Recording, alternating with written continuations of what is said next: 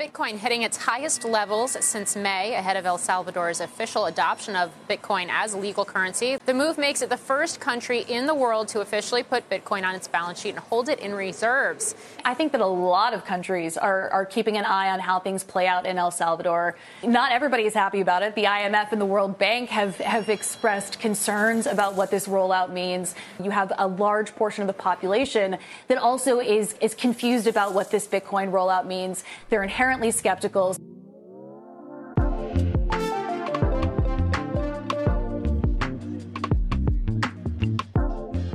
Forestil dig at gå ned for at købe en pizza, en ramme øl eller en pakke toiletpapir. Og når du så skal betale, så hiver du bare din digitale tegnebog frem. Fordi deri, der opbevarer du din bitcoin, som du skal betale med. Det er blevet en mulighed i El Salvador, og det har fået andre lande til at overveje det samme. Centralbankerne i Honduras og Guatemala, de vil gerne med på vognen.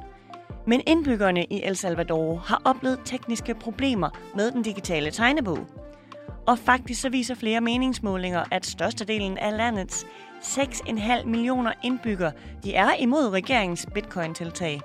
Alligevel så har landet indkøbt 400 bitcoins til en værdi af godt 130 millioner kroner – og præsidenten i El Salvador, Nayib Bukele, han siger, at staten vil købe endnu flere bitcoins inden længe. Men er det en god idé at acceptere digitale valutaer som et officielt betalingsmiddel? Og hvad får El Salvador ud af det? Det stiller vi skarpt på i dag.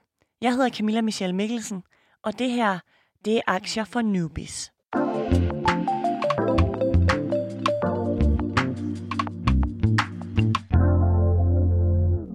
Som altid, så har jeg inviteret en gæst, der kan gøre os klogere på emnet. Og i dag der har vi en rigtig kryptoentusiast med. Mark Hansen, velkommen til Aktier for Newbies. Mange tak. Mark, sidst du var med, der fortalte du mig, at du har investeret i kryptovalutaen siden 2017, og du har både oplevet op- og nedture. Hvordan går det med din portefølje i dag? Øh, jamen altså samlet set går det jo godt. Øh, det er jo højere end dengang, der er smed ind i det, men der har jo været nogle downs på det seneste, så det har da selvfølgelig rykket lidt i det i en negativ retning, men, øh, men det, går, det går ganske fint. Mm. Og om du kunne forestille dig at betale med bitcoin næste gang, du skal ned og handle, det dykker vi altså ned i nu. Fordi El Salvador har som det første land nogensinde anerkendt bitcoin som et officielt betalingsmiddel. Hvorfor tror du, de vælger at gøre det? Altså det virker jo som om, at de har nogle helt grundlæggende idéer omkring nogle økonomiske forudsætninger. Øh, præsidenten har været ude og snakke om, at de kan spare så så mange millioner i forhold til transaktionsomkostninger årligt, så det er da selvfølgelig et incitament. Øhm, men der er der selvfølgelig også en mulighed for, at landet kan blive rigere, hvis de investerer i produkter på sigt kan stige. Så det kan jo formentlig også være et incitament. Øh, og så bare generelt udvikle landet. Og hvordan tænker du på, at de kan blive rigere? Fordi bitcoin, det svinger jo ekstremt meget. Så hvordan skal man blive rigere, hvis man som land investerer i bitcoin? Helt grundlæggende, hvis de ikke bruger alle deres penge, så er der jo en risiko, eller hvad kan man sige, en sandsynlighed for, at den kan stige. Uh, det har vi jo set på sigt. Bitcoin er jo bliver mere og mere værd, så hvis de jo har investeret en væsentlig del af deres formue i det, så kan den jo også på sigt stige, sådan, så der egentlig kommer flere, land, uh, flere penge til landet. For at få borgerne til at bruge bitcoin som valuta, så tildeler staten altså alle, der henter sådan en digital wallet, 30 US dollars i bitcoin. Hvad får El Salvador ud af at ligesom give 30 US dollars til borgerne? Altså det er jo helt klart for at skabe et incitament, øhm, som vi nok også vil se i Danmark. Der er nok nogen, der vil være lidt påpasselige for at bruge ny teknologi. Og hvad jeg kan forstå, så har de kørt meget et øh, altså kontant øh, system, hvor man skulle hæve pengene og så betale med dem. Så at gå over til et helt nyt system, det skal jo selvfølgelig have noget andet incitament for. Og der er 30 dollars, så vidt jeg kan forstå, mange penge for en borger ja, i El Salvador. Samme dag som El Salvador de begynder at acceptere bitcoin som et lovligt betalingsmiddel, så faldt kryptovalutaen altså med 17 procent til det laveste niveau i en hel måned. I New York der faldt bitcoin med det, der svarer til 270.000 kroner. Hvordan kan valuta falde så meget? Jamen altså, der er jo stadig mange store aktører, som har været der rigtig tidligt, og der er også mange rige mennesker i verden, der både er for og imod bitcoin. Så et, et tankeeksempel kunne jo godt være, at der simpelthen er nogen, der har besluttet sig for at dumpe det på dagen, for at vise, hvor usikker den var, og egentlig at skabe noget panik omkring det, og anvende den i et bredt aspekt. Øh, men det kan også bare være helt tilfældigt, at det bare har været det tidspunkt, hvor markedet lige skulle udligne sig lidt. Det var jo gået godt et stykke tid. Hvad betyder det for indbyggerne i El Salvador? Altså, hvilken betydning har det for et almindeligt menneske, hvis man nu skal til at betale med bitcoin i butikkerne? Altså, det har jo den indvirkning, at når de vågner om morgenen, så kan de være blevet rigere, eller blevet fattigere, eller være det samme. Det oplever vi jo som udgangspunkt ikke normalt, medmindre vi betaler regning eller køber noget i butikkerne. Og der har det jo den risiko, at når de købte et æble i går for 1 dollar i bitcoin, så kan det jo være dagen efter, den måske koster 1,2 dollar øh, i bitcoin og omvendt. Øh, det ved de jo ikke. Nej, men jeg tænker også på, når der er så store udsving i værdien af bitcoin, kan det så ikke blive noget værre rod, når man skal betale for dagligvarer? Nu siger du, at et æble kan koste én ting den ene dag, og en anden ting den anden dag. Og når en valuta kan falde med 25 procent i værdi på en uge, kan vi overhovedet bruge det til dagligvarer? Altså, er det fornuftigt? Altså, jeg sad og tænkte på det i går, og jeg sad og så i forhold til nogle indbyggere, som der snakkede om, hvad deres fordel var. Når de får lønnen udbetalt, betaler de jo så nu deres regninger med det samme, så der kan man sige, der kommer det formentlig jeg tror simpelthen lige, vi tabt Mark Hansen her. Og nu får I det simpelthen bare lige on the go. Vi prøver lige at ringe øh, Mark Hansen op. Der var simpelthen nogle problemer med den forbindelse, vi havde Mark med på. Så jeg har måttet ringe ham op over en telefon. Og det kan du helt sikkert høre på lyden. Men interviewet, det fortsætter i hvert fald nu. Ja, det er Mark. Det kan skabe et ret stort udsving i forhold til deres måde at leve på. Uh, formentlig så vil deres normale omkostninger, altså husleje osv., blive betalt relativt kort tid efter, at de har modtaget deres månedsløn. Så der vil jo formentlig ikke være de store udsving. Men, men deres dagligvarer kan der jo godt være nogle udsving på, sådan, så de egentlig i nogle måneder slet ikke har råd til det, som de normalt vil have råd til, øh, når de brugte dollaren normalt. Den har jo ikke lige så store kursudsving. Nej, så for en almindelig borger i El Salvador, så kan det betyde, at de måske den ene dag har råd til et fladskærms-tv, men ikke den næste dag. Jeps, og omvendt. Hvad betyder det så, hvis man nu skal tænke strategisk som borger? Altså er det så, at når kursen er helt vildt høj, så skal man gå ud og bruge alle sine penge, eller hvordan kan man tænke i at udnytte bitcoin bedst muligt? Altså det kommer jo nok til at blive normalt for dem, og der kommer jo formentlig også til at være nogle priser, der er estimeret ud fra øh, den her udvikling på sigt er det jo formodet, at bitcoin vil have nogle, nogle mindre udsving, sådan så, lad os sige, at æble måske normalt koster 6 kroner, men det kan svinge fra, fra 6 kroner til 8 kroner, så kan det være, at man sætter prisen på 7 kroner, fordi så er der taget højde for udsving. Så man på egentlig den måde egentlig laver markedet efter de her kursudsving. Så der er nogle fordele og ulemper, men man har egentlig sat prisen ud fra det. Øh, og det, det kan jo måske være en fremgangsmåde, øh, at de kommer til at bruge fremadrettet, men det kommer også til at være deres levevej. De er jo ikke eksponeret lige så meget for resten af verden, så spørgsmålet er, hvor stor en indvirkning vi har på deres hverdag. Ja, så når du siger, at man kan tilpasse markedet bitcoin, så er det simpelthen varerne i butikkerne, man kommer til at tilpasse, at der er en usikkerhed i de her udsving og i den her volatilitet, som bitcoin jo har. Mm. Alle køber jo ind, også selv dem, der køber varerne, kan jo også købe ind med bitcoin, så deres risiko varierer jo også. Deres varer kan også blive mere værd og mindre værd, så det er jo sådan en samlet øh, flok, der er omkring det. Når volatiliteten er sådan, så kan det jo virke helt sindssygt at basere et lands økonomi på noget, der er så usikkert. Hvad tænker du om det? Altså, vi har jo set det i nogle områder af Afrika, hvor at, øh, at der simpelthen har været lokalsamfund, der har været valgt at investere i bitcoin, og de er jo gået fra næsten ingenting til faktisk at blive begunstiget ved den her udvikling, der har været. Og nogle områder i Salvador har måske heller ikke så mange penge, og det kan jo egentlig ske for dem. Øh, altså, teoretisk set kunne landet godt gå fra måske ikke at være verdens rigeste land til at blive en af de mest rige lande, hvis det bliver optaget andre steder i verden. Og der kommer de her meget positive kursudsving, så det, det er måske den gulderød, de leder efter. Øh, men det kan jo også bare være transaktionsomkostninger, de ønsker at minimere, og, øh, og det kan jo også være en fordel. Ja, nu nævner du afrikanske lande, og du nævner også El Salvador som et fattigt land. Og jeg kan bare lige tilføje, at ifølge Michel Avital, som er professor i digitalisering på CBS, så siger han, at et centraliseret betalingssystem kan være en god måde at stabilisere økonomien på i fattige lande for eksempel i El Salvador. Fordi her anslås det nemlig, at over 70 procent af befolkningen i landet, de ikke ejer en bankkonto. Og ifølge den internationale arbejderorganisation ILO, så har 6 ud af 10 mennesker i El Salvador også deres levebrød uden for den formelle økonomi. Vi har set mange kryptoprojekter, hvor det egentlig har været fokuspunktet, at de skulle komme ud til, til tredje verdens land, hvor økonomien ikke var så god, og hvor de for eksempel ikke havde tilgang til bankkonti. Øh, og det er jo netop også det, der kan skabe en tiltro til hele systemet. Korruption kan blive minimeret, og generelt så øh, sådan noget som overfald og forstjålet sin ting, som man jo, altså for vores vedkommende jo så tilbage i middelalderen, det vil jo ikke øh, være eksisterende længere, når det er øh, gemt trygt øh, på, på en wallet. Så krypto, det kan simpelthen forhindre lommetyverier, overfald osv.? Det kan forhindre det hele. Det kan også skabe en meget bedre øh, transparens i forhold til samfundet, hvem er rig og fattig, hvordan bruger folk deres penge, hvad for nogle penge er der inde i samfundet, øh, og selvfølgelig også øh, sikre mod korruption, fordi det kan jo egentlig også spottes. Mm.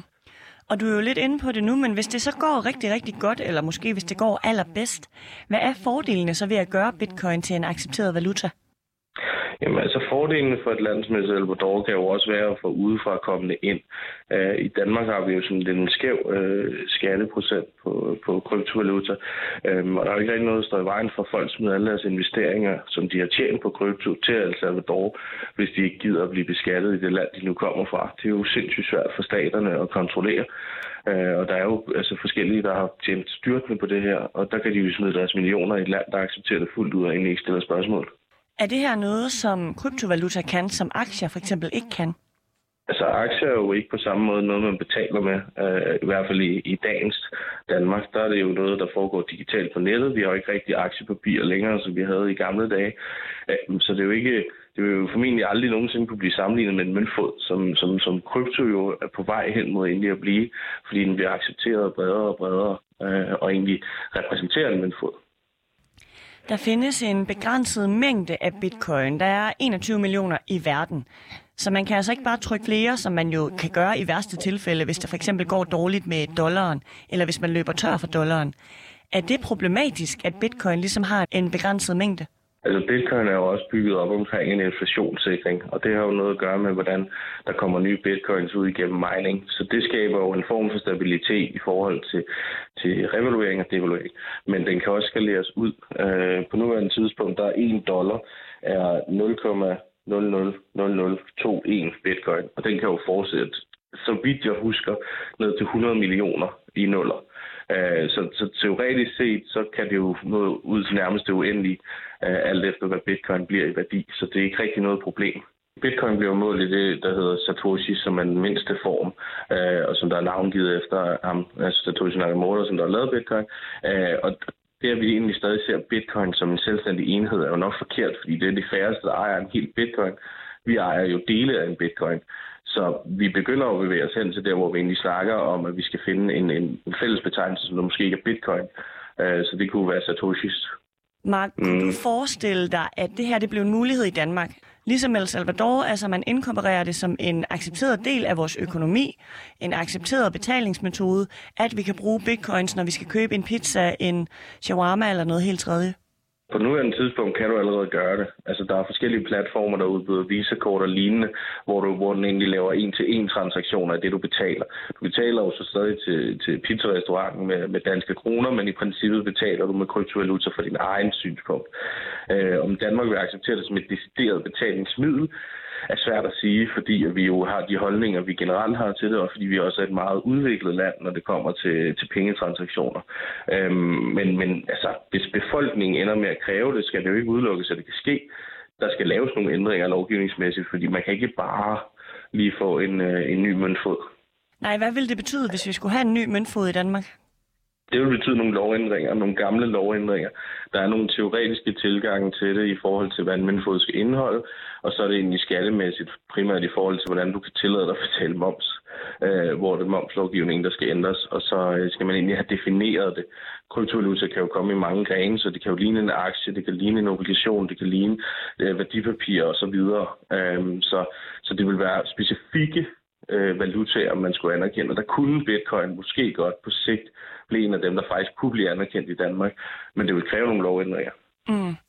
Og sidst vi talte sammen, der talte vi om, at bitcoin jo måske og kryptovaluta generelt kan være mere usikkert end aktier, fordi volatiliteten er større. Vil det være usikkert for mig som borger, hvis jeg skulle til at basere min økonomi på bitcoin? Altså, det vil helt sikkert skabe usikkerhed i den forstand, at der jo er en kursudsving. Så hvis du får, lad os sige, 30.000 kroner om måneden, du får dem udbetalt, så kan det jo på slutningen af måneden, hvis du ikke har brugt noget, kan det måske være 50.000, det kan være 10.000. Den usikkerhed vil der være der.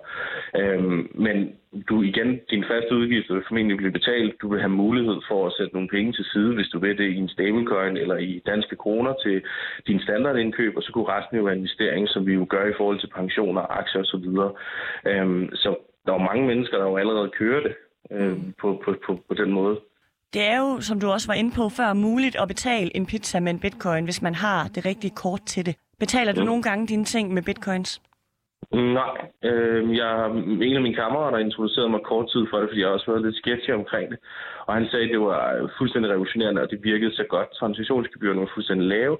Han fik også en kickback på det på 2%, som man så fik i noget øh, kunstudløse, ligesom man ser med andre rewards-kort.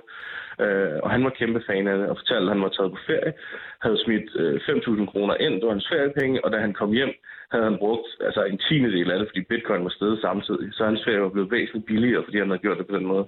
Men det kunne også være blevet dyrere. Mm. Og når du ikke gør det, er det så fordi, du ikke har lyst til at løbe den risiko? Jeg har langsigtet investeret, øhm, så jeg køber jo og sælger jo ikke rigtigt, fordi at jeg bygger bare op sådan på sigt. Jeg tror, vi er langt fra der, hvor vi når hen. Så øh, det der med at sælge, det vil være uhensigtsmæssigt i min optik, øh, fordi at der er så mange potentielle gains, og så øh, kræver det jo også meget viden. Mm. Og hvis at vi nu skulle have bitcoin i Danmark som en øh, accepteret betalingsform, vi får lavet de her lovændringer, vil du være tryg ved det? Ja, altså som udgangspunkt er jeg ikke sådan noget problem i det. Øh, det hvis, hvis de gør deres arbejde ordentligt, og vi sådan anerkender en løbende af gangen, som vi vil gøre med en udenlandsk møntfod, så vil det være okay. Hvis vi laver en fuldstændig åbning, hvor alle kan lave en, en kryptovaluta, og den bliver anerkendt, så har vi en kæmpe risiko, fordi der er jo nogle voksne mennesker, så at sige, der skal have styr på det her. Det er jo typisk Nationalbanken, fordi vi har noget med nogle monetære politikker, som der skal overholdes, for markedet ikke lige pludselig kollapser. Um, så der skal jo være nogen, der har styr på det. Og der er det jo decentraliseret, så der er ikke nogen, der styrer det. Nej, så det betyder lige nu, at jeg faktisk, hvis jeg havde evnerne til det, ville kunne gå ud og lave min egen bitcoin og så sælge den.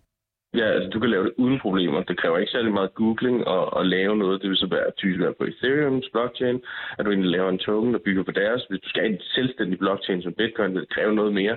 Men i teorien øh, er det ikke særlig besværligt. Mm. Mark Hansen, tak fordi du er med til at gøre os klogere på, om digitale valutaer som bitcoin kan fungere som en officiel betalingsform. Det er så lidt. Mark Hansen, som altså er kryptoentusiast. Hvis du godt kunne tænke dig, at jeg tager nogle bestemte emner op, så skriv endelig til Radio Louds Instagram, eller send mig en mail. Mailen den er mit navn, Camilla Michel, snablag radioloud.dk.